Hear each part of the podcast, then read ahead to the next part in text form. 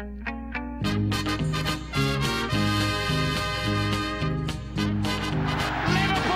are champions of Europe again.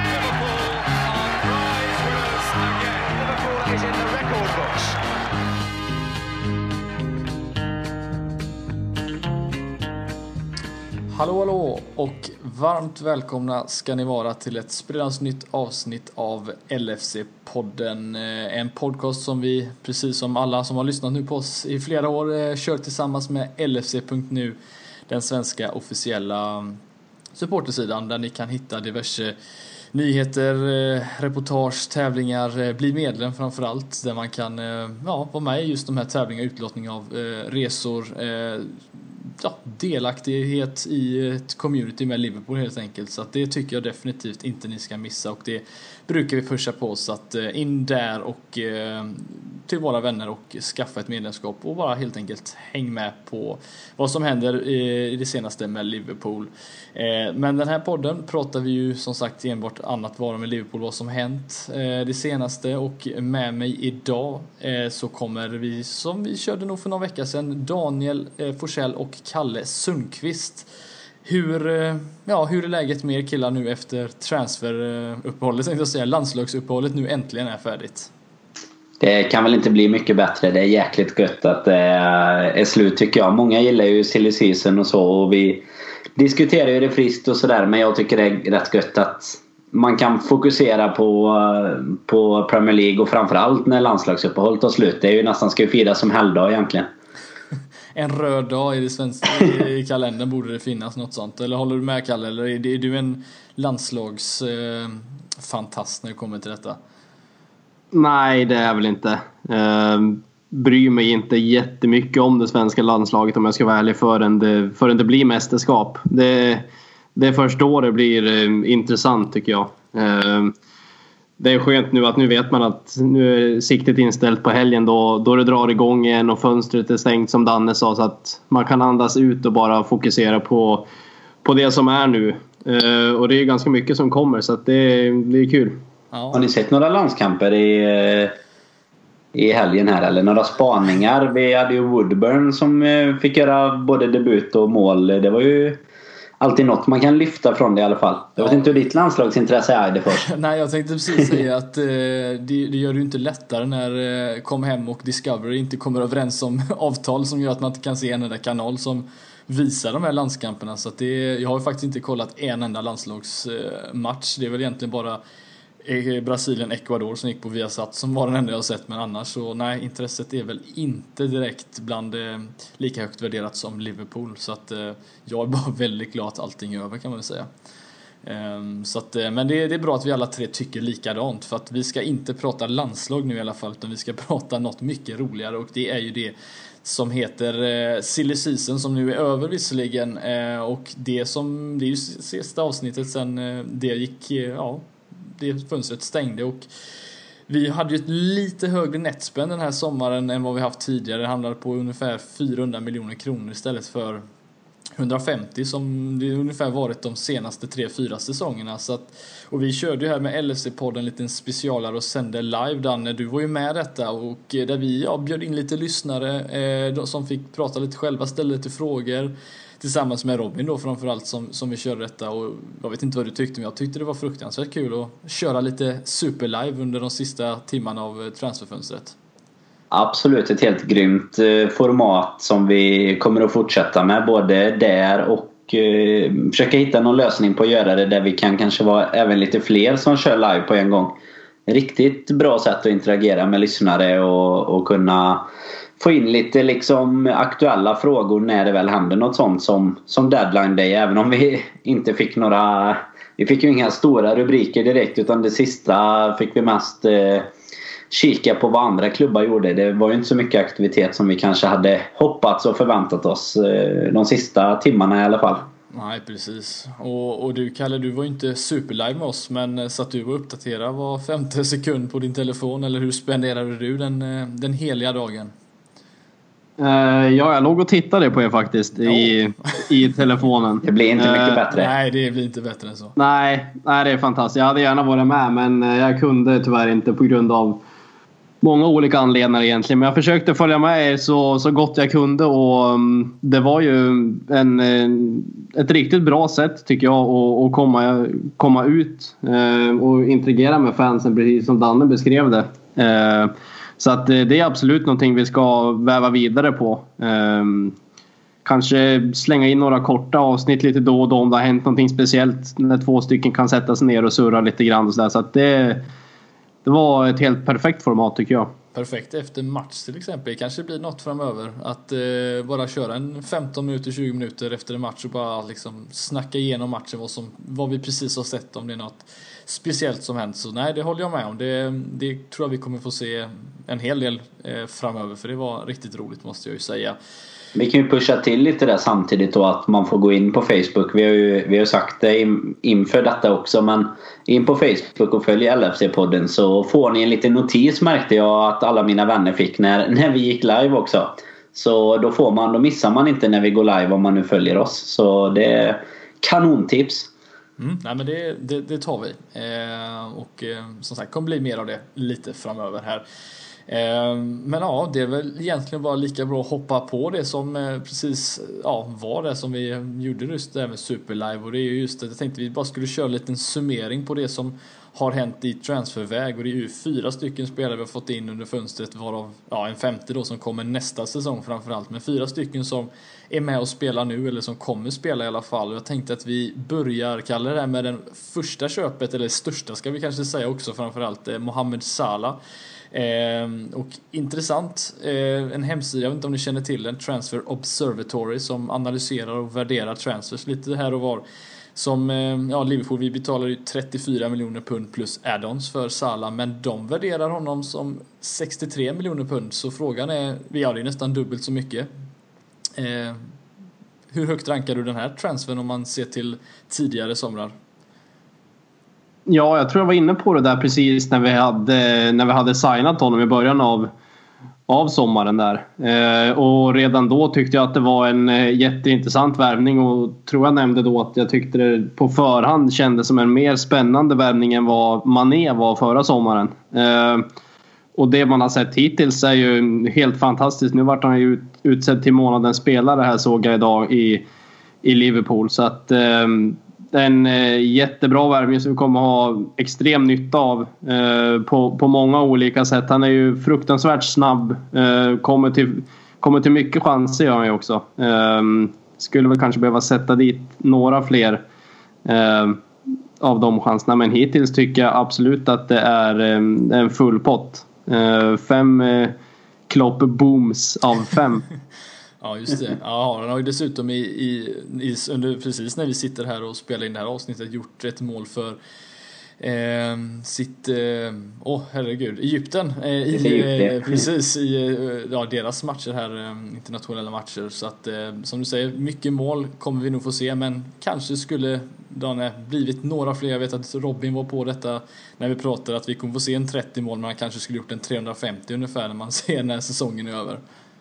Ja, men det ligger ju någonting i det. Va? Men jag, jag tycker fortfarande att jag är grymt imponerad av hans eh, sätt att skapa chanser på. Och inte, inte bara det han kanske skapar själv utan det han även tar tillvara på i returer. och Alltså när han egentligen, som mot Arsenal då, när han blev fri från halvan. Han snor bollen av, av eh, Beirin på, på hörnan då. Så att jag, jag tror att han det ligger något i det Robin säger för jag tycker det finns något litet slarv i eh, det här att han blir offside extremt ofta. Han kanske är lite het i vissa lägen men jag tycker ju att han skapar han kommer också till så otroligt mycket lägen som vi inte har lyckats ta tillvara på innan. Så att det kommer fortfarande bli fler mål än vad, vad det hade blivit eh, annars eller vad man ska säga. Det hade säkert kunnat bli några till men han har ju visat sig vara en, eh, en fullpoängare hittills tycker jag absolut. Det ser riktigt spännande ut. Jag tycker det känns lite så här köjtvarning på honom just det som du nämnde med att eh,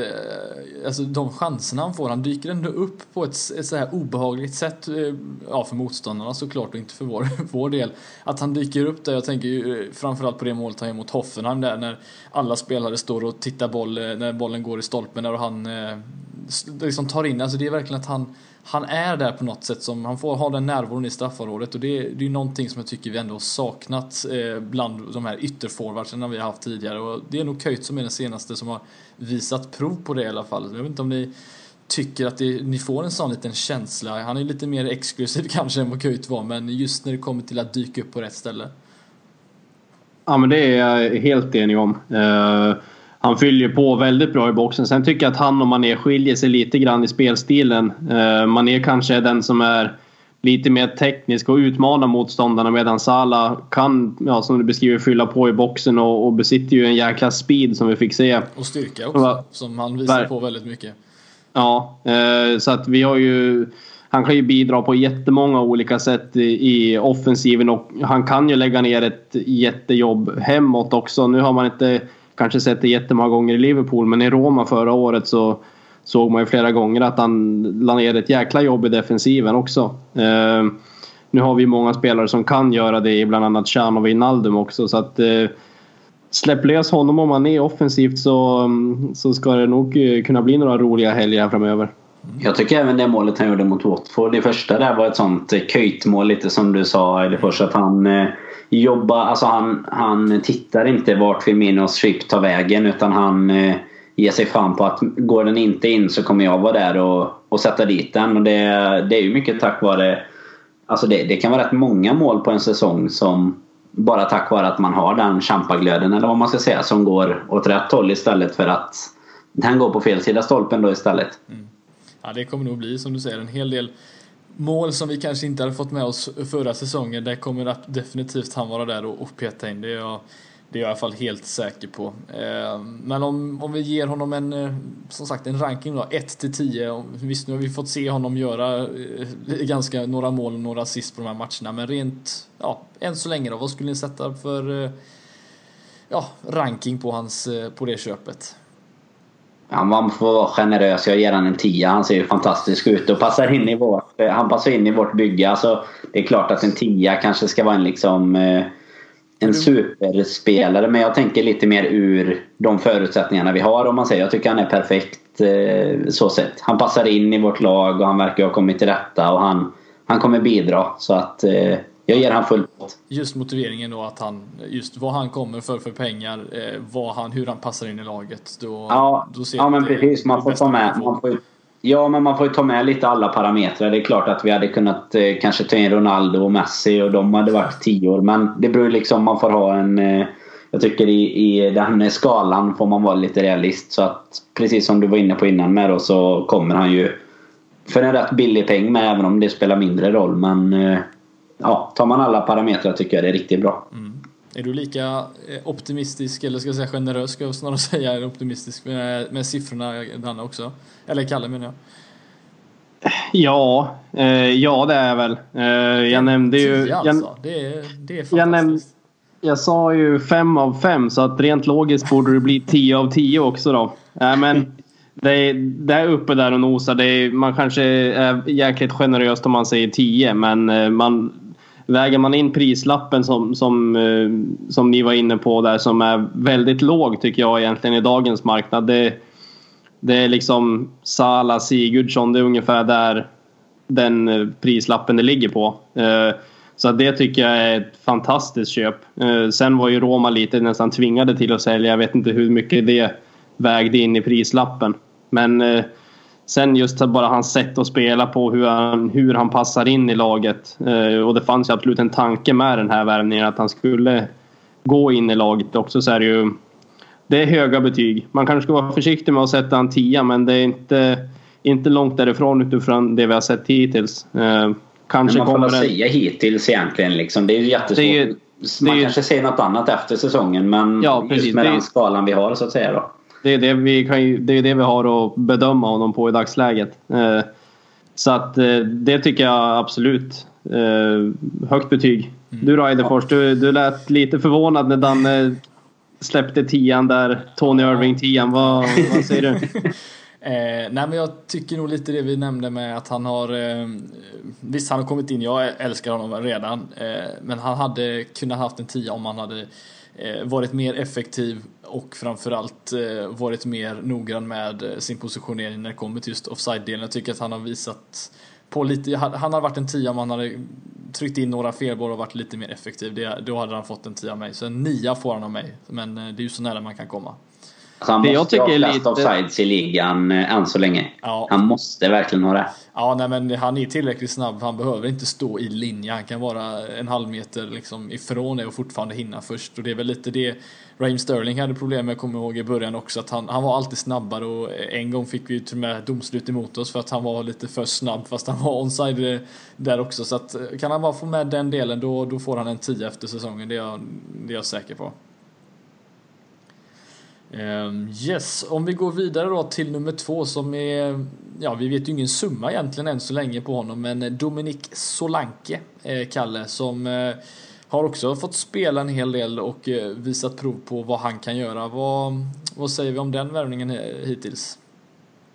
Ja, det var ju en liten, eh, liten speciell värvning egentligen. Man visste inte vad man skulle ha för, för förväntningar på honom. Eh, men han har väl egentligen uppfyllt alla förväntningar man, man kunde ha på honom egentligen. Det var lite som Klavan i början på förra säsongen. Han gjorde några bra matcher där och, och folk var supernöjda med honom. Eh, så att med tanke på, det var som du sa, så vet vi ju inte exakt vilken summa det är. Chelsea begär ju mer för honom nu i, i någon form av kompensation eh, sen han gjorde så bra ifrån sig på VM och har börjat så pass bra eh, Ehm, i Liverpool. Ehm, nu har han ju skickat ut Origi genom bakdörren till Wolfsburg var det var på lån så att eh, uppenbarligen är han ju en del av planerna. Ehm, och det vi har sett av honom hittills är att han bidrar ju med någonting som vi helt och hållet saknar egentligen i vår offensiv.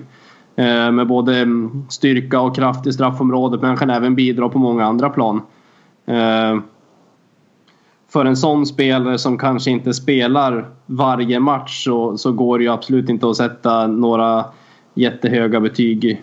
Eh, som vi var inne på med Sala men absolut tycker jag att han förtjänar 6,5 av 10 om vi får använda oss av halvor här. Men mellan 6, mellan 6 och 7 någonstans skulle jag säga med tanke på, på det sättet han har överraskat och för att eh, vi tog in honom gratis. Eh, så att eh, absolut en spännande värvning som jag tror vi kommer få se mycket, mycket bra av. Mm. Ja, just det som du säger att det inte bara är en, en fysisk spelare utan han kan bidra på många andra sätt. Det är väl lite det man Eh, som gör att han kanske går, går framförallt går före Origi Danne, att han inte bara är eh, väldigt enformig utan att han kan göra så mycket mer och han har ju, kom ju in där mot Crystal Palace till exempel och Eh, visst, nu var inte han kanske den bidragande faktorn, jo lite var han visserligen det, men eh, till att det blev just det där 1-0 målet. Men han har ändå fått komma in i de stunderna där det står och väger lite. Vad, vad säger det om egentligen hans roll i laget och vad han kommer få spela framöver?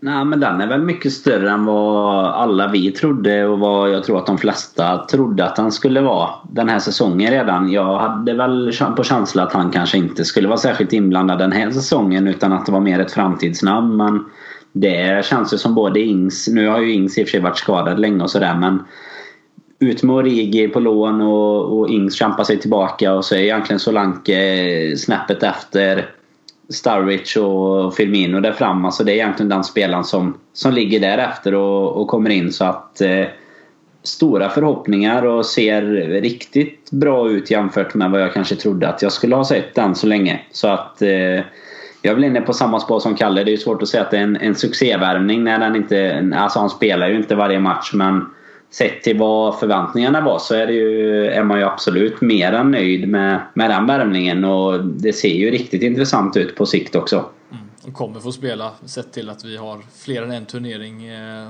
slash cup och alltihop och egentligen vi är inblandade i så att det men jag, jag ger nog honom en, en femma. Jag vill nog inte ge honom mer när jag inte riktigt får spela så mycket som han gör. Eh, jag är kanske lite hårdare med betygen än vad ni är, men jag får nog ge honom en femma innan han och, och så får han bevisa lite här innan nyår för att han ska kunna få en högre siffra från min del i alla fall. Men du tyckte någonstans som eh, Kalle i alla fall är då, Danne?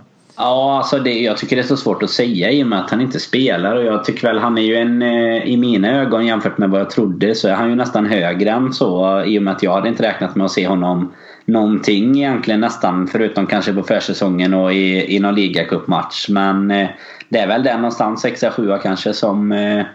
som man får säga med sett till, till förväntningarna. Men det är klart att han behöver ju, ska han ha en eh, Alltså för en A-lags sjua eller någonting efter säsongen. Då ska han ju ha gjort lite mål och förändrat lite matchbilder och så. Men det, jag tror att potentialen finns att han kommer att göra det. För han, han har ju någonting annorlunda mot de anfallarna. Vi har ju ändå ganska olika anfallare just nu. Så det, det är jäkligt spännande. Mm. Ja, det... Det, är, så det är ju skillnad på, det är skillnad på sjuor och sjuor också som du var inne på. Där eller sexor eller femmor eller vad vi nu har gett för betyg. Uh, det krävs ju ändå en del för en som ska starta regelbundet och nå upp i en sjua medan en sjua för honom kanske skulle vara krävas lite mindre. Um, men eh, om vi ska backa bandet lite egentligen till, eh, till Silly där när vi, vi släppte ju Origi nu på, på lån med en option på att kunna ta tillbaka honom nu i, i januari. Nu sitter vi egentligen bara med Firmino, Starwich och Solanke då, som, som riktiga strikers som vi har tillgängliga nu.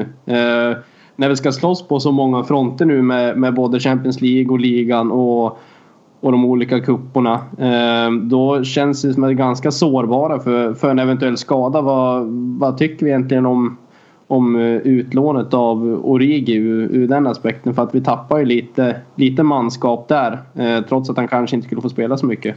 Jag har inget problem med, med att, att tappa honom på lån för jag tror eh, vi kommer få se vid några skador om det skulle krisa eh, en eh, Salah som kan definitivt få spela i centralt och det testades ju på även under försäsongen så att det tror jag definitivt vi kan få se. Jag tror inte det kommer bli så kritiskt som, eller ja, skador, skador kan ju alltid hända men jag tror att Klopp kommer att tänka om kring, kring laget snarare än att ta tillbaka honom men att det finns ett alternativ, då måste det finnas en, en tanke bakom det. Men eh, jag tror inte det kommer bli av i alla fall, men någon tanke finns det. Sen har vi ju Ings eh, också som kommer. Alltså han kommer ju ändå vara tillbaka. Han har ju spelat lite U23 och sådär.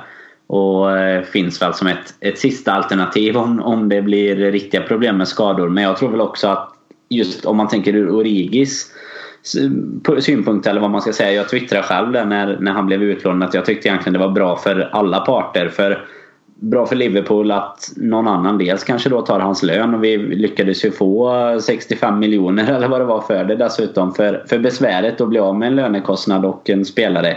Men eh, sen för Origi skulle egentligen att han kan han kanske inte stannar upp i utvecklingen på samma sätt som han hade gjort om han hade suttit en hel säsong på bänken egentligen. Jag har svårt att se att han skulle få spela särskilt mycket egentligen trots alla turneringar som vi har. Så jag tror ändå att det är bra för, för de flesta parter. Men jag vet inte om du håller med Kalle? Abs jo, ja, absolut. Jag, ty jag, tycker att det är jättebra lån för, för Origi. Men sen när man väger in lite grann nu Lalana borta en längre tid. Vet inte riktigt vad som händer med Coutinho. Han kommer ju slussas in och börja spela här såklart så småningom. Ehm, sen eh, är det absolut så att vi kommer ju kunna rotera om. Ehm, men eh, att få betalt för honom bara för att låna ut honom kan ju bli fram, fram till jul om det nu skulle vara så. Mest troligt inte. Och sen ha någon som tar honoms lönepost det är ju en jättebra deal för Liverpool och framförallt för Origi. Han kommer ju ha mycket mer möjlighet till att spela, spela där och, och bevisa bevisa någonting för Klopp den vägen så att säga. Så att eh, jag tycker också att det är bra för alla parter egentligen. Mm. Det känns ju som man kommer behöva bevisa en del där för det är ändå en rätt tuff konkurrens att kämpa sig in i nu och särskilt om han nu då har hamnat bakom Solanke som det ändå känns som så är det ju även killar i, i hans egen generation om man säger så som, eh, som dessutom börjar att gå förbi. Så han har ju några kliv kanske som han behöver ta i ett i typ Bundesliga i Wolfsburg då.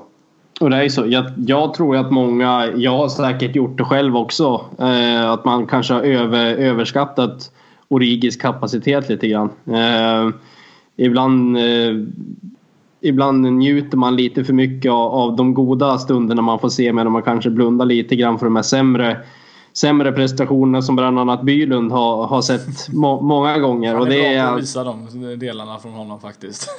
ja, ja men absolut. Sen, sen eh, jag tycker att som supporter har man all rätt att vara kritisk. Eh, de som säger någonting annat tycker jag är ganska fel ute på det. Eh, så att jag tror att jag och många med mig har överskattat Origi lite grann och det här är ju en bra chans för honom nu att och slå sig in i, i elitfotbollen på riktigt om man säger. Eh, nu har jag inte jättebra koll på Wolfsburg men det, jag kan tänka mig att det, han lär ju få lite konkurrens där också. Så att eh, det är spännande att se vad som, vad som händer med honom framöver. Mm. Ja, absolut. Eh, vi drar väl oss vidare till nummer tre. Ett litet kort sidospår ja, var det där bara. Ja, det är precis. Ett litet kort. Ja, men det, det uppskattar vi. Då slipper jag sitta och prata lika mycket. Är, ni, ni, får gärna ta över ibland. Eh, Andrew Robertson eh, som nummer tre eh, och Danne äntligen en ordentlig vänsterback. Eh, för Moreno får väl inte kalla en ordentlig vänsterback men en, en, en typisk, ska vi säga en typisk engelsk eh, eller brittisk eh, vänsterback. Vad, vad har vi att säga om, om det köpet? Vi kan ju säga att han gjorde ju mål här i helgen också.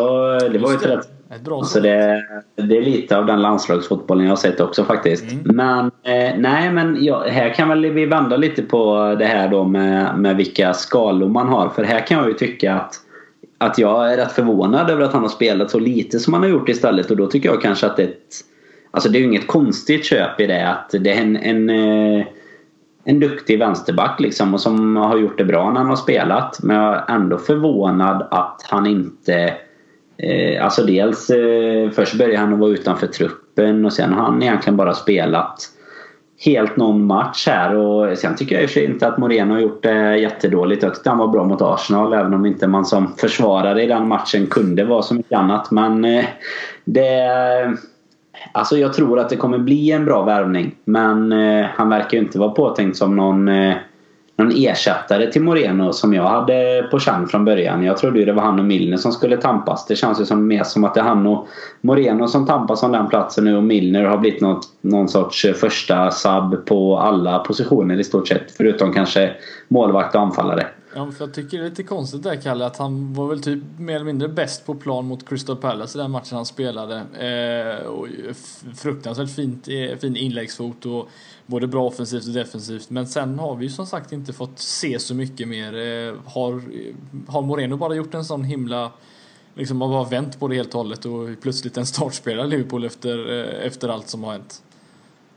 Ja, absolut är det förvånande. Jag tror, jag tror många trodde att han att han skulle vara mer eller mindre en startspelare nu när Milner inte klassas som en, som en vänsterback längre. Eh, sen vet man ju absolut inte vad som händer, på, händer inne på Melwood. Klopp eh, ändrade väl sin uppfattning om Moreno ganska tidigt märkte man ju under säsongen. Eh, och jag märkte det ganska tydligt nu också när jag var över mot Arsenal att snacket på puben och på läktaren det börjar vända lite grann kring Moreno ändå. Eh, det blåser lite positiva vindar kring honom trots att man vet att eh, någonstans där så, så ligger en tickande bomb i honom. Eh, jag vet inte vad om Robertson egentligen. Det man har sett tycker jag är, är jättebra. Sen har han ju kanske inte haft något jätteimponerande CV egentligen. Han har ju, han har ju spelat en tid i Hall. Eh, mestadels i Championship. Eh, nu gjorde han ju en säsong i Premier League förra året så att han har ju han har ju känt på ligan och jag gillar det man, man ser av honom. Eh, tycker väl inte att man har jättemycket att bedöma på egentligen. Så att eh, ska man sätta något form av betyg på honom så har man ju inte inte jättemycket som ligger till grund. Men eh, någonstans kring eh, en femma kanske. Där i, där i krokarna. Eh, det känns som att han och Moreno kommer kunna varva ganska rejält under säsongen i, i de olika turneringarna. Eh, Sen skulle jag inte bli förvånad om vi får se Milner där nere någon gång så småningom igen. Nej. Nej, det är väl som sagt en, en, att ha två stycken väldigt olika typer av vänsterbackar att, att, eh, att kunna spela känns ju inte som att Klopp har, har ett svårt val här i alla fall att han kan göra om lite hur han vill när han vill förändra någon matchbild eller ha en annan typ av matchbild på, på förhand där Danne att kunna ja, slänga in det han känner passar bäst för just matchen. För det kommer ju bli en hel del annorlunda eh, matcher framförallt att gå ut i Europa och sen spela i Premier League också. Ja men så är det ju. Det kan ju bli skador och, och dylikt också så att, eh, att vi behöver ha vänsterbackar det har ju inte varit ett eh, Det har inte varit helt okänt innan. Inte, vi har väl inte gjort någon supervärvning tror jag kanske inte heller men det är väl Ja, man trodde ju fan inte att man skulle säga det men det verkar ju vända för Moreno precis som, som Kalle säger att känslan var i Liverpool också. Och det, trodde man ju verkligen inte förra säsongen. Man kände ju att han sitter ju bara på bänken och väntar på att och lämna till sommaren. Så att eh, klart kan han få... Det finns ju någonting där, det vet man ju. Man tyckte att det var en jäkligt spännande värvning när han kom. Men skulle han börja få lite eh, ordning på fötterna och så, så är det klart att då kanske vi har en jättebra konkurrenssituation istället. Det ser man ju inte helt sällan att det, det händer någonting med spelare när de får lite konkurrens och Mignolet visade ju det också när, när Karius kom in där och så att Nej, det kanske blir eh, vi kanske inte behöver snacka vänsterback eh, så mycket längre. Jag vet inte. Vad tror du? Är det att vi har våra, våra två vänsterbackar med Milner som backup där nu? Ja, för några år framåt. Ja, det är ju inga gamla killar liksom. Nej, men det är inte ett jättesexigt eh, sexig uppställning att ha vänsterbackar heller så sett. Jag, jag, kan ju, jag sätter ju ett varningsfinger för att vi kommer sitta här inom jul och ha och pratat någon gång om att eh, Moreno har dragit på sig en fruktansvärt onödig straff i, i 90 minuten som fäller kanske chansen att komma ja, högt upp i tabellen. Så att jag ser fortfarande Robertson som förstaplatsen men eh, kanske inte från och med, eller i så fall nästa säsong och inte den här säsongen utan det tror jag Moreno kommer ha greppet om om han fortsätter så här i alla fall. Så att, eh, en, en femma får han av mig, likt eh, Solanka. De har varit okej okay när de har spelat och de behöver visa mer eh, och det kommer. Så att, eh, Sen tycker jag fortfarande om man bara, nu är det ju kanske nyförvärven vi pratar om främst men eh, vissa, vissa väljer ju att kalla Moreno och de som är lite på nyttfödda för nyförvärv också för att få det lite glamorösare. Nej, inte vi i podden kan jag säga, inte panelen här. Men då, då kan jag väl tycka att man, det kan man ju också vara lite snabb i sin kritik ibland eh, tycker jag när, eller snabb och snabb, men han har ju gjort en del eh, lite sämre matcher Moreno men man är ju rätt snabb både på att se allt det bra som vi var inne på kring Origi och sen är man ju också ganska duktig på att se allt det dåliga om man väl börjar om det börjar gå nedåtgående spiral för en spelare så det är klart att det finns ju det är inte omöjligt att eh, en Moreno reser sig och blir en, en skaplig back heller. Alla hade ju blivit jäkligt lyckliga för det men precis som du säger finns det ju en oro såklart att man kommer sitta här och undra varför varför det var Halls eh, vänsterback liksom vi tog in och ingen som som kanske var i, i lite, vad ska man säga, övre skiktet av, eh, av backar att ta in när man ska spela Champions League. För det är ändå inte, de flesta Champions League-förstärkningarna kommer ju inte från Hull City liksom. Nej, precis. Nej, det, det återstår att se vem, eh, vem som tar den största eh, platsen på vänsterbacken, men det, det får tiden eh, bevisa helt enkelt. Eh, köp nummer fyra satt väl lite längre in i tiden eh, och eh, spelade faktiskt mot oss här eh, senast i, i, ligan. Alex Oxlade Chamberlain, Kalle. Eh, ja, vad säger vi? Alltså, det här var ju nästan väntat efter eh, i slutet där av transferfönstret men att han tackar nej till vad är det, 600 000 i, i veckan för att gå till oss istället för Chelsea känns ju som ett Ja, är, är, har det att göra med Klopp eller vad, är vi bara en attraktionskraft plötsligt? Ja, jag vet inte vad, vad han har fått för form av löfte av, eh, av Klopp egentligen. Känslan är väl att hade han gått till Chelsea så hade han ju där han hade kunnat spela där är ju som en wingback. Eh, och vad man tror är väl att kanske det är anledningen till att han han kanske vill lämna Arsenal för att han har spelat för lite för mycket på, på en sån position. Sen kanske han var klar i Arsenal efter så många år också. Ehm, mm. absolut, jag tycker att absolut att det är en eh, jätteintressant spelare som, är, som man har följt nu i ganska många år under Premier League egentligen. Uh, så att, eh, och till det priset också tycker jag inte att det är jättemycket att snacka om egentligen. Det är, det är en del pengar, det är det ju. Eh, men eh, sen eh, väntar man några timmar och så signar Chelsea Danny Drinkwater för samma pengar och då är det inte lika mycket helt plötsligt. Nej, precis. Men på tal om just positioner där som du nämnde då. Alltså vi, Robert Rosenqvist har ju skrivit till oss på Twitter. Han undrar vad tror vi att det blir för position för, för Oxlade Chamberlain? Vad kommer han, han fick ju som du säger spela wingback. Det kommer han inte få göra i Liverpool med 100% säkerhet. Men vad, vad ser ni honom placeras när han väl ska spela?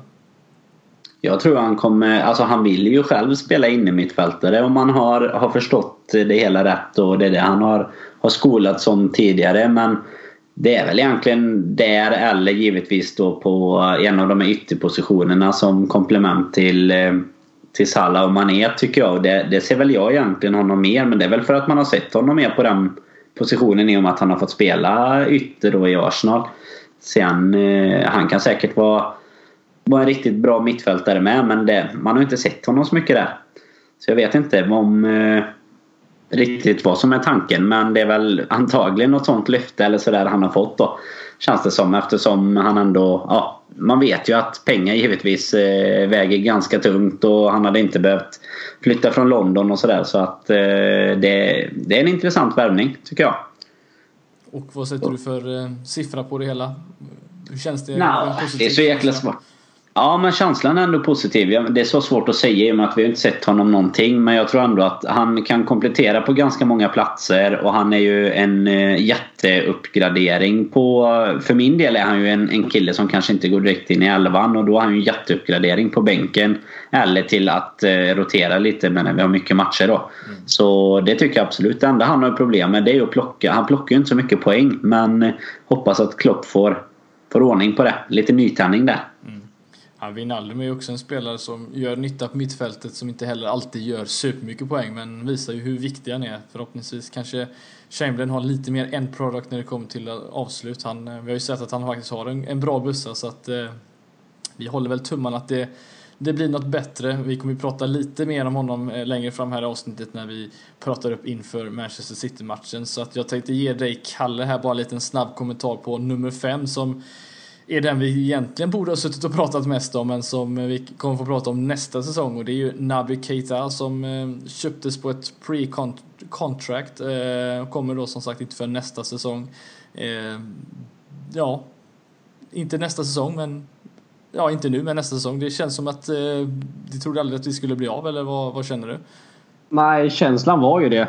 Eh, att eh, att det skulle rinna ut i sanden och han skulle gå till någon av de riktigt stora bjässarna nästa sommar. Eh, fick nästan en liten chock där när, när, när, vi fick reda på att det hände. Jag satt på tåget då från Liverpool till London och, och jag tror det var du Eidefors som skrev det att Keita är klar och höll på att sätta kaffet i halsen där innan man insåg att det var till, till nästa säsong. Mm. Eh, men eh, ja, det man har sett av honom är också en jävligt sexig spelare att titta på. Helt, ja men det är ju det. Helt fantastisk lirare egentligen.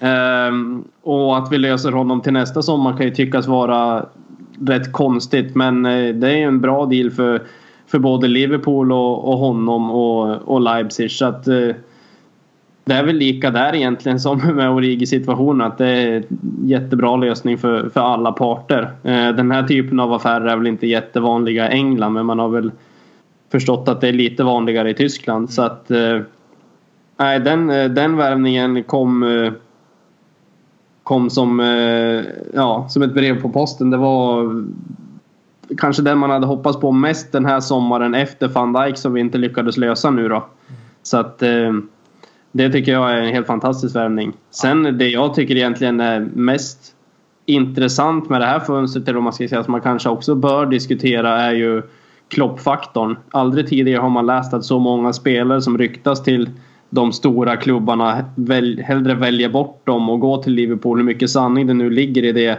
vet man ju inte men jag tror absolut att Klopp är en, en bidragande orsak. Så att där har vi också någonting som gör att vi kan locka de här lite större spelarna som vi kanske inte, inte har, har lyckats locka innan. Det är inte första sorteringen, de kan vi inte gå och plocka men eh, lite de som ligger där under och, och skvalpar som ändå har, har riktigt eh, hög kvalitet. Mm. Jag ger Keita redan på förhand en, en, en tia för jag som sagt följer Bundesliga rätt, rätt ofta och eh, definitivt en av de mest spektakulära spelarna förra säsongen och kommer bara bli bättre. Han kommer nog ta det här steget och bli ytterligare eh, i Liverpool också så att jag ser verkligen fram emot att få se honom. Det är synd som sagt. Det är, tuff konkurrens för oss i Premier League. Eh, inte alls säkert att vi når fjärdeplatsen nästa säsong, vilket gör att det är egentligen det som har varit perfekt att få in då Keita när vi fortsätter in i Champions League nästa säsong, vilket är förhoppningen. Så att vi får väl se hur bra det blir, men jag ger honom en tia på förhand i alla fall, han, och eh, jag hoppas att du håller med mig i det beslutet. Ja, det är generöst. Vi får, jo, men vi får ge, vi får ge själva värvningen på... Med, med liksom sättet det bara slog ner som en eh, bomb här i slutet. För den hade man ju lite släppt kändes det som. Nu var det liksom van Dijk som skulle lösas de sista dagarna och så eh, kom det något sånt trevligt istället. Och jag tycker också det är en rätt schysst lösning att man kommer, han kommer till nästa säsong. De hade ju någon klausul där som, som ändå skulle sätta in vad det verkar som så att eh, det verkar som en bra lösning för allihopa och han får en bra, kanske en bra säsong till och utvecklas här och kommer ändå spela Champions League och så. så att kan komma som en riktig injektion till truppen nästa, nästa år då. Mm. Ja, det kommer ju som sagt, det lär ju bli mer transfersnack från vår del lite längre fram för att det är ju trots allt eh, januarifönstret upp nu om 118 dagar. Nu vet inte jag om ni räknar eller så sett, men det är 118 dagar kvar till nästa fönster. Får vi se vad, vad som händer då. Men nu kommer det nog vara slutsnackat om van Dijk och vad alla heter i, i 118 dagar i alla fall så får vi ta det som kommer då helt enkelt. Eh, inget mer ni vill säga om transferdelen eller ska vi lägga ett lock på det, detta och gå vidare? Det sista man kan säga är väl att det är lite konstigt att vi inte, eh, vi har ju sagt det många gånger, men att vi inte har tagit in och förstärkt våran eh, mittbacksposition med van Dijk då framförallt. Vi, vi får ju passa på att säga det även om alla har sett det som, som följer oss på, i podden och sociala medier och så. Men eh, det, det slår väl jag ett litet varningens finger för här att det kommer vi märka under säsongen att vi, att vi inte gjorde om man säger så. Mm. Ja, Daniel Forsell varnar, det, då vet man att det, då ligger man illa till. Ja, då, då får man passa sig faktiskt. Ja. Ja, nej, men vi tar väl och hoppar vidare då till nästa del och eh, tänkte höra med dig Kalle, har du haft ont i rygg, haft ryggproblem någon gång i din karriär som, eh, ja i ditt liv kanske vi ska säga? Ja, det, ja, visst har man haft ont i ryggen. hur, snabbt, eh, hur men... snabbt läkte det om vi säger så? Jag vet inte om du vet vart jag försöker komma med detta? Ja, en, jag, jag, jag, misstänker att en resa till Brasilien skulle lätta på smärtorna lite grann. Så att det är kanske dit man ska, man ska pysa iväg när, ja. när man har lite ont i ryggen eller vad det, det kan vara. Ja, ja, det, det måste, måste vara en värme. Jag vet inte hur många grader ni har i Söderhamn men det, det brukar vara varmare i Brasilien. och som sagt, det kommer väl ja, kommer in direkt på det vi, som många, många frågar eh, och många undrar framförallt. Eh, vi har ju en Filip Coutinho som aldrig fick över sin, eh, eller fick igenom sin övergång till Barcelona här på transfer eh, deadline day eh, trots diverse rykten och att de har budat flera gånger och ytterligare därefter. Eh, hade ju ont i ryggen, har därför inte spelat för Liverpool men eh, satt, var väl i förrgår eller något sånt där som han spelade mot Ecuador och gjorde mål och så alldeles pigg och kry ut. Så frågan är nu Danne, vad, vad har vi att vänta i den här soppan? För det har det ju verkligen blivit och det är ingen spelare man riktigt förväntar sig skulle hamna i den här situationen heller som han är nu. Nej, det har ju gått verkligen åt fel håll eller vad man ska säga. Man trodde ju inte det skulle kunna bli så här infekterat som det känns utåt nu i alla fall. Man, man vet ju inte vad som är sagt. Givetvis eh, Coutinho och Klopp emellan till exempel. Men det känns ju onekligen som att eh, att det har varit så att Coutinho verkligen har velat lämna och nu är ju, det senaste är ju till och med att det ryktas om att han inte vill spela för Liverpool i Champions League bara för att han inte ska bli liksom eh, låst till oss i turneringen för att eventuellt kunna gå i, i januari då eller någonting men eh, nej det, det är verkligen en infekterad soppa detta. Det har ju vänt jag tror inte det var någon som ville så att säga bli av med Coutinho när det här drog igång då. Nu skulle jag väl säga att hade vi lagt ut en undersökning på podden nu så tror jag att merparten hade tyckt att vi kunde släppa honom. Och det är väl delvis också för att det har gått så pass bra utan honom och sen lite hur det i alla fall har framställts i media då. Det ser ju... Nej, jag vet inte fasen. Det ser ju inte bra ut alltså. Det, det känns som att han kan få en tuff väg tillbaka både in i laget och framförallt in i hjärtat hos fansen igen. Det känner man ju själv att det, det har gått på en liten törn där. Mm.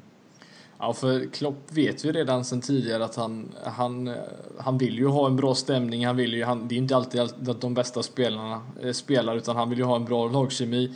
Eh, vet jag inte Kalle om det bara har att göra med det. För det verkar, han har ju uppenbarligen inte varit skadad men det är kanske det eh, bästa sättet att, att hålla honom borta från truppen utan att säga att han inte vill spela där så att säga. Men har det varit egentligen det vi pratar om här nu att han, han har förstört, eller han vill inte att han ska förstöra stämningen i laget sett till hur bra det ändå har varit eh, för laget? Så tror jag absolut att det kan vara. Ja, det kan ju vara så att han har haft någon liten känning i ryggen men det verkar inte ha varit något något superallvarligt. Så att det har nog målats upp som någon eh, fasad utåt egentligen. Eh, Det är väl Klopp det bästa väl- sättet egentligen att och, och, Ja, det det- i bakgrunden egentligen. Ja, det, det är nästan så man måste göra tills fönstret är stängt. Det är först nu egentligen när man vet att han kommer bli kvar till åtminstone januari. Eh, så att det är ju nu arbetet börjar egentligen att få in honom i truppen igen. Klopp har väl alltid varit den tränaren som man har fått uppfattningen av att han, som ni var inne på, att han, man vill ha en god stämning i truppen. Eh, I Dortmund så släppte han ju släppte han ju ofta de spelarna som ville gå till och ta nästa kliv. Eh, vilket jag kan tycka är klokt. Eh, att man enbart ska ha kvar spelare som verkligen vill. Eh, samtidigt förstår jag Liverpools situation nu med Coutinho också. Att det går inte att sälja de bästa spelarna varje år om man vill ta det här nästa steget som vi nu vill ta. Ehm, personligen ju längre fönstret gick egentligen de där sista dagarna så då hade jag inte brytt mig jättemycket faktiskt om vi hade sålt Coutinho. Ehm, jag, börjar bli, jag blev jävligt less på den där soppan i, i slutet av sommaren. Så att eh, han, har, eh, han har en del att bevisa för Klopp och för fansen nu. Eh, jag tror ju om man känner Liverpool-fansen rätt så kommer han ju välkomnas med öppna armar och, och framstå som som någon frälsare när han börjar spela och göra det bra igen. Eh, vilket jag kanske tycker att han inte förtjänar. Eh, han ska ha en hel del skit tycker jag. Eh, för eh, hur han har agerat. Det är ju normalt i, i dagens fotboll tyvärr.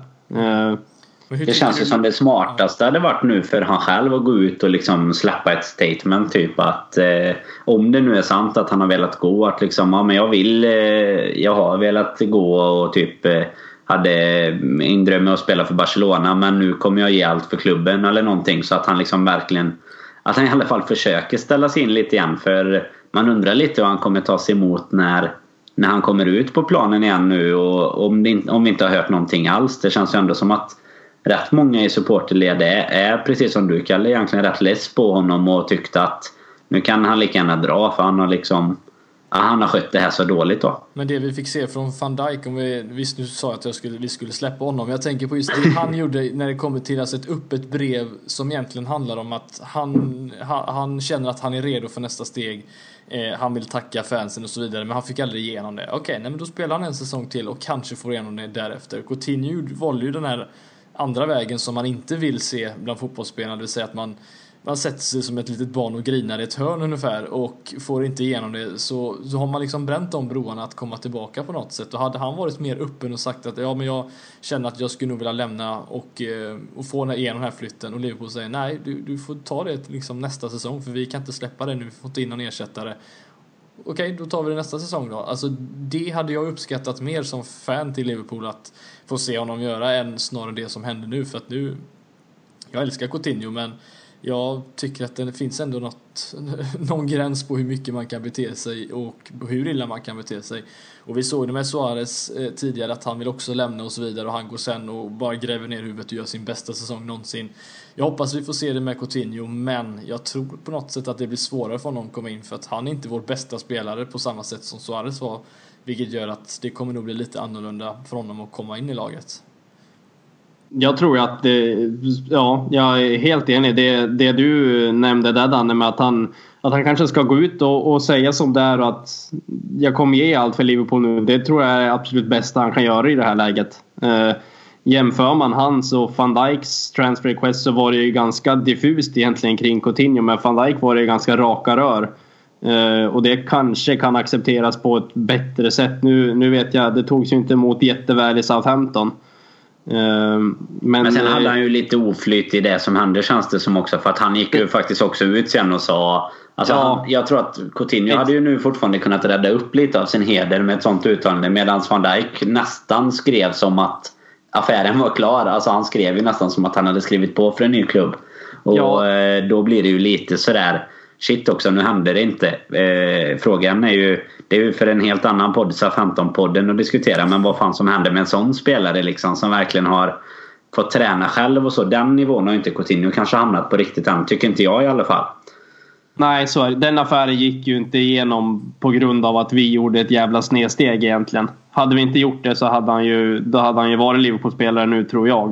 Eh, jag vet inte fan vad, vad man ska säga om Coutinho. Du beskrev det ganska bra där Eidefors. Han känns som den här killen på skolgården som börjar grina och inte vill vara med om man inte får vara med bästa kompisens lag liksom.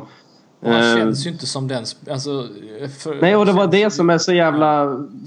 Det känns så jävla fel för att jag vet att vi satt här i början av sommaren och pratade om honom som att han inte är den spelaren som bråkar sig bort. Han, han kommer vilja göra det på ett schysst sätt och det var det det skrevs om i media också. Mm. Eh, så att eh, allting känns bara jättekonstigt egentligen. Eh, och det ska bli intressant att se. Jag skulle inte våga gå och kolla Klopp i ögonen på träningen på torsdag eller när det nu blir när han är tillbaka efter allt som har varit. Mm. Så att det är en ganska lång process att få tillbaka honom.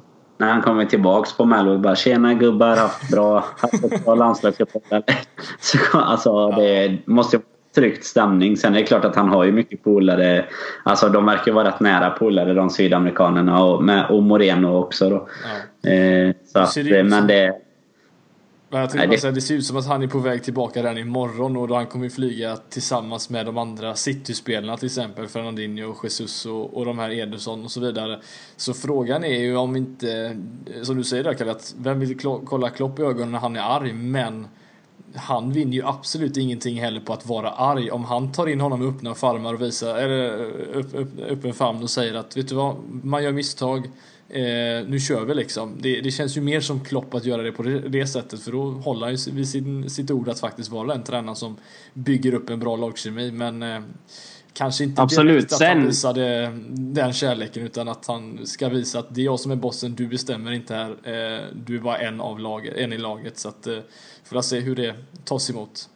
Absolut så Sen, eh, sen tror ju inte jag att det är så infekterat som det skrivs om i media. Det vore ju rent av idiotiskt av Coutinho att dra igång någon sån soppa nu när han vet att han är, att han är låst till Liverpool. Så att det tror jag inte att det ligger jättemycket sanning i. Eh. Det är det jag menar också innan lite som vi, som vi pratade om där i början. Att man, man får liksom någonstans rannsaka lite vad som kanske skrivs och inte. För vi ser ju bara det som skrivs. Vi har inte hört någonting från Coutinho liksom. Det är klart att han och Klopp kan ju ha pratat eh, under hela processen och nu är han välkommen tillbaka och så kör vi igen liksom. Det här med skadan och sånt det kan ju också bara varit ett sätt att skydda honom ifrån all uppmärksamhet egentligen. Även om alla har vetat att han inte har varit skadad eller trott det i alla fall då så är det ändå Ja men det dödar ju en presskonferens om du bara svarar att han, är, han har eh, ryggskada. Så nästa fråga liksom. Istället ja. för att säga att han, han sitter hemma för han vill byta klubb liksom.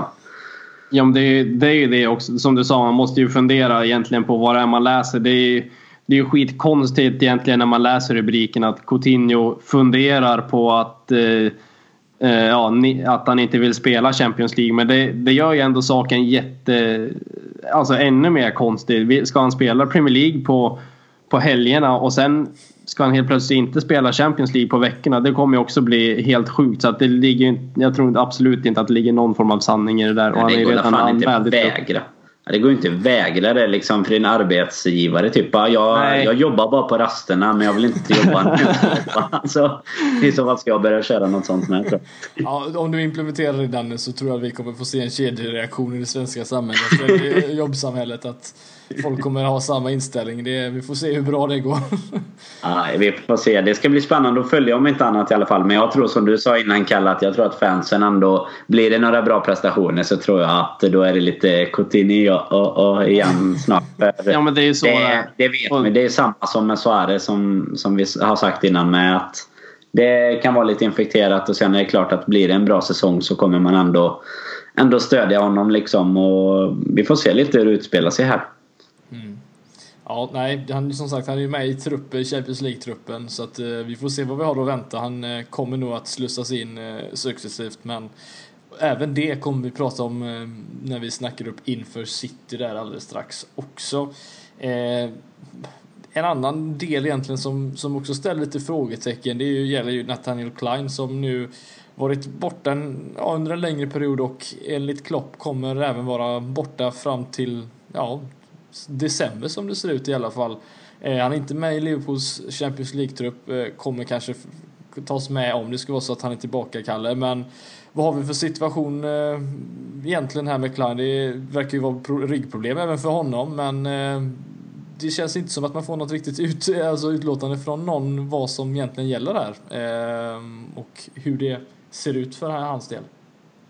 Nej, det är också en, eh, en situation som är jättekonstig. Det som, det som kommunicerades ut egentligen innan säsongen började var att han skulle missa början av säsongen. Eh, och att han inte skulle vara redo för debut eller för öppningsmatchen mot Watford. Det var ju det snacket som gick innan säsongen. Eh, och att det nu fylls på fram till jul är ju oroväckande när man inte exakt vet vad det är för någonting. Det är ju, uppenbarligen är det ju någonting som inte är helt hundra när det inte kommuniceras ut eh, vad det är som gäller egentligen. Så att eh, där har man väl inte jätte jättemycket kött på benen egentligen. Jag vet inte hur, hur, hur ni känner på den situationen. Alltså det enda man kan, kan ta utifrån detta är att vi eh, vi vet att vi kommer få spela med Joe Gomez och Trent Alexander-Arnold som ytterbackar. Att eh, det känns inte som att man kommer få reda på så himla mycket mer. Så vi kommer få spela med två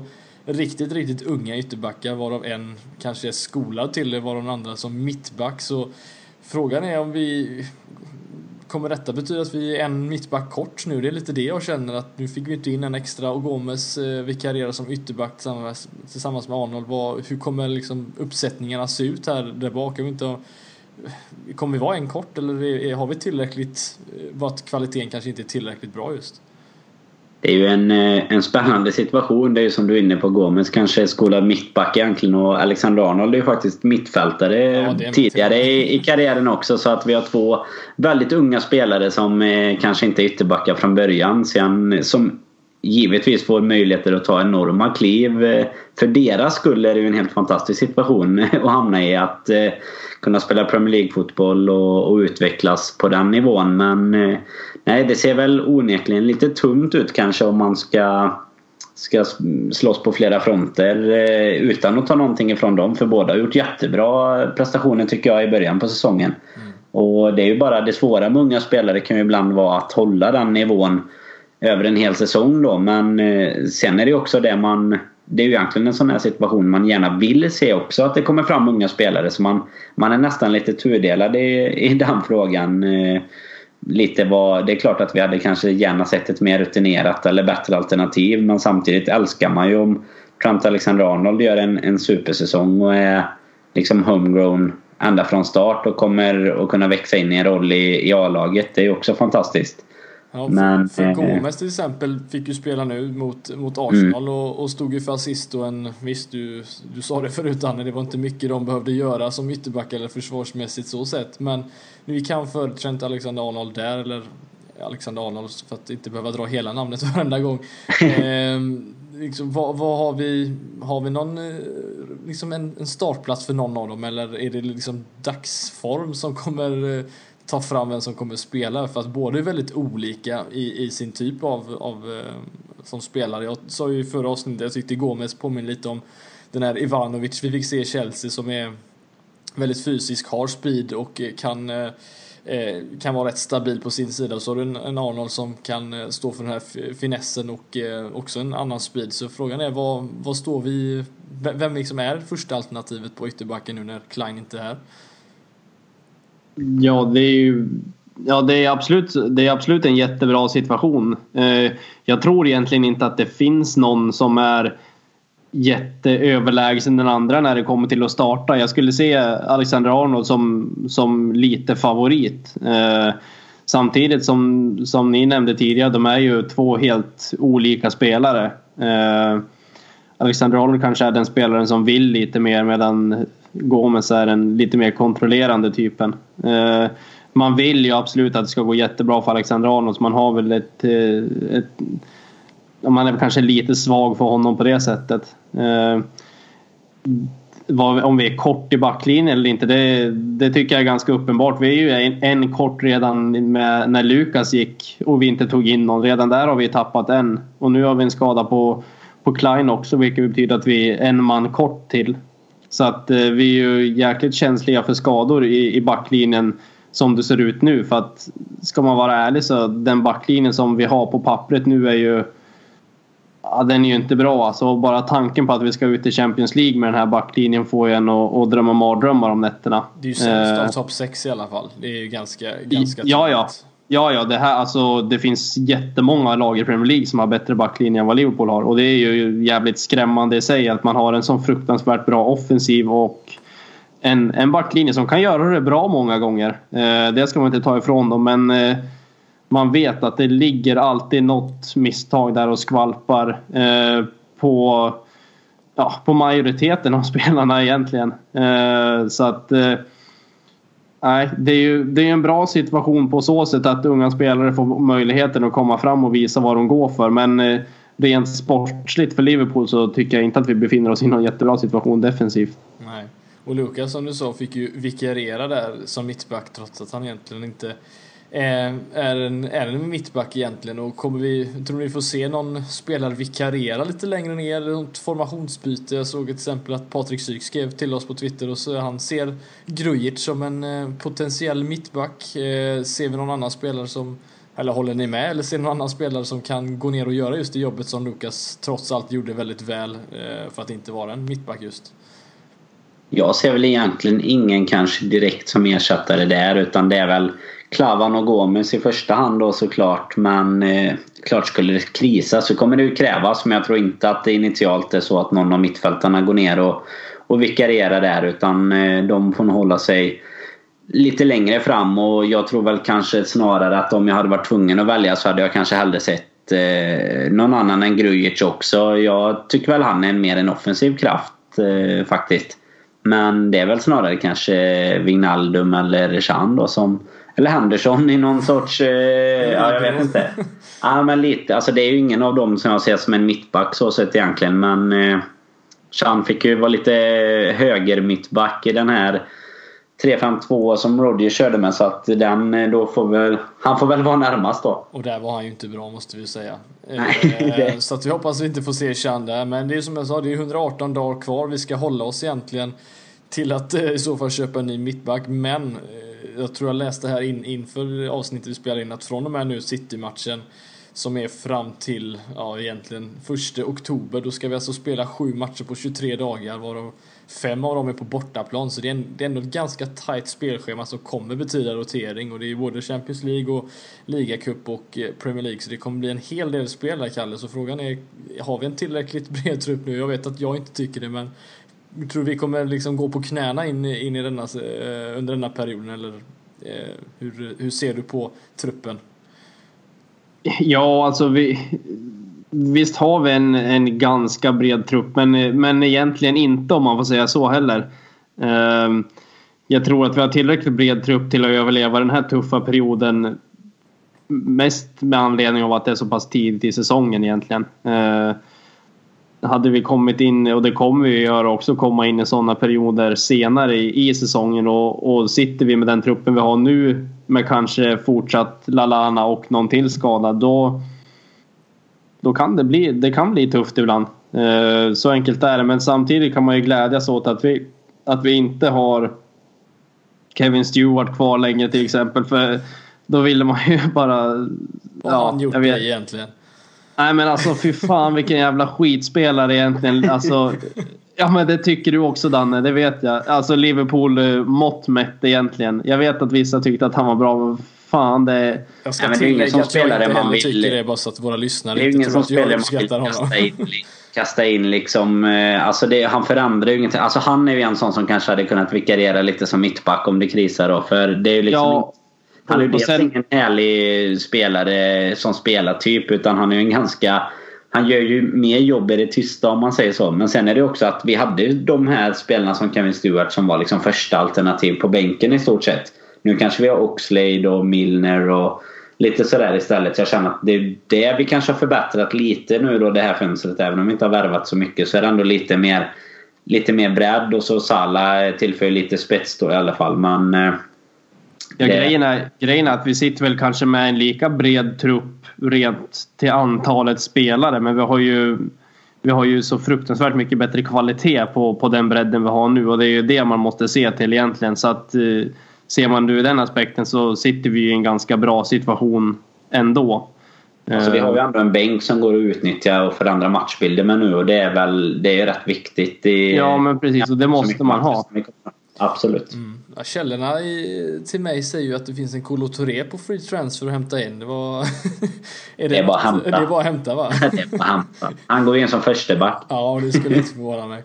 Ja, nej, vi får väl se som sagt vad som händer här med våra ytterbackar. Det är ju ja, en, en ganska bra medelålder på ytterbackarna vi har som vi kommer, eh, kommer få spela med under säsongen. Vi får se om det blir tillräckligt eller inte, men vi håller tummarna för det i alla fall. Eh, ja, nu är det som sagt snart stormatch igen. Vi var ju det mot Arsenal senast och den, de dammar vi av ganska enkelt. Och det är ju dags mot Manchester City som vi förvånansvärt, haft förvånansvärt enkelt mot de senaste matcherna i alla fall. Det är ju faktiskt, vi har ju inte förlorat mot dem efter 90 minuter på de sex senaste matcherna så ganska bra statistik har vi ändå. Eh, trots allt, men det är ändå ligans kanske mest satsande lag den här säsongen så hur skulle du säga att eh, förutsättningarna är nu inför den här matchen, Kalle? Eh, vi är i bra form, de har haft det lite kämpigare men fått in poängen i alla fall. Men det har inte varit lika enkelt som de kanske trodde att det skulle vara.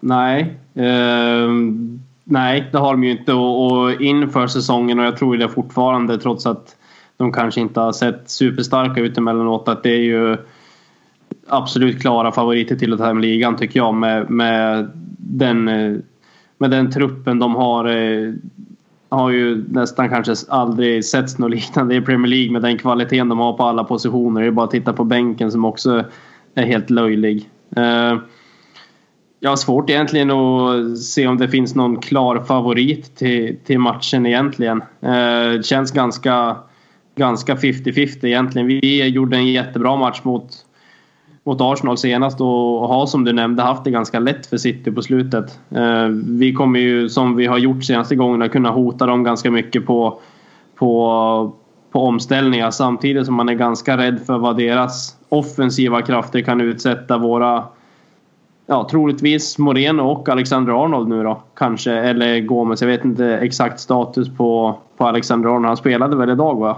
Han gjorde inte det? Mm han. Jo, spelade U21 idag. Mm. Debut faktiskt. Mm. Man lägger till. Så att... Eh, nej, det jag tror vi, båda lagen kan hota varandra på så otroligt många fronter. Och, eh, det känns som att det är ganska, ganska jämnt skägg egentligen för, för vilka som ska gå, gå vinnande ur den här striden. Mm. Men förvänta, alltså om vi tar dig, Danny, som till en start, skulle du förvänta dig en liknande matchbild som mot Arsenal, det vill säga alltså taktikmässigt, inte 4-0 och 0 skott på mål för Manchester City, men just sättet, för vi backade ju hem snarare än att pressa sönder dem, vilket Klopp har faktiskt visat på nu eh, några gånger att han behöver inte pressa sönder sina motståndare utan han kan snarare vinna bollen eh, på sin planhalva och framförallt har då Mané Firmino och Salah som bara liksom sticker iväg? Eller tror du det kommer bli någon annan form av eh, taktik nu? Eh, trots allt bortaplan den här gången. Nej, men jag tror att eh, du är inne på rätt spår. Det här omställningsspelet som vi verkligen kan hota i nu med framförallt Mané och Salah då såklart. Så jag tror att vi kanske kommer se det ännu mer nu än mot Arsenal. Eh, just för att det är borta. Sen är det ju som vi har sagt så många gånger innan. Det känns ju som att lag.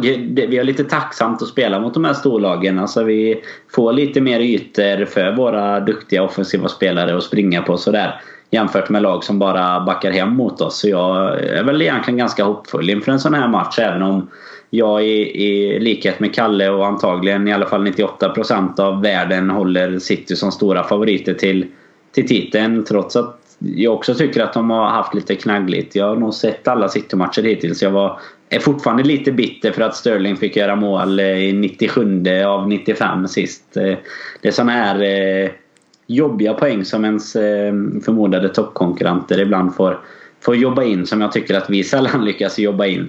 De här sista liksom Ja, när, det kanske egentligen skulle varit avblåst på lite Fergie-time så. Ja. Men, ja, men det såg de inte. De såg inte jättebra ut tyckte inte jag mot eh, Bournemouth heller. Och det känns som de har... De har ju lite att bevisa men eh, samtidigt är det ju aldrig något lag som man bara åker och, och dammar av. Så eller något sånt. Nej, och som du säger, Sterling kommer ju inte vara med i den här matchen på grund av det röda kortet han, eh, Nej, han fick efter eh, firandet där, vilket var lite bisarrt. Men så att eh, uppställningsmässigt lär inte han vara med där, men om vi skiter i deras lag i sig och bara pratar hur eh, förutsättningarna ser ut, eller egentligen om vi skulle ta ut ett lag mot Manchester City nu. Vi har ju Ja, fått lite frågor på detta, vad vi tar från Oliver Lundell. Eh, vi kan börja med dig Kalle. Filip Coutinho, han är ju trots allt tillgänglig. Eh, får vi se honom på bänken som, en, eh, som minimum i alla fall, eller tror du han lämnas helt utanför laget när Klopp eh, väljer sina mannar? Ja, jag tror, ja, jag tror absolut inte att han startar. Eh, ser vi honom på bänken så... Ja, kanske lite tveksam till det också. Jag tror faktiskt inte... Det är för ja, jag, svår, ja, jag, tror kan, jag tror det kan vara lite tidigt. De har nog ett och annat att, att reda ut innan han ska in i truppen. Och om han nu har varit ryggskadad så har han ju inte tränat. Han har ju tränat visserligen nu med Brasilien när han har varit borta och spelat matcher med dem. Men ja, vi har han där vi har han nu. Han får ju mer än gärna för, för mig sitta på bänken för att förr eller senare ska han spela ändå. Men jag tror det kan vara lite tidigt. Mm. Brasiliens tränare var ute idag och sa eh, att han är egentligen 100% fit att spela men han är inte 100% matchfit. Det vill säga för att han inte har spelat tillräckligt mycket.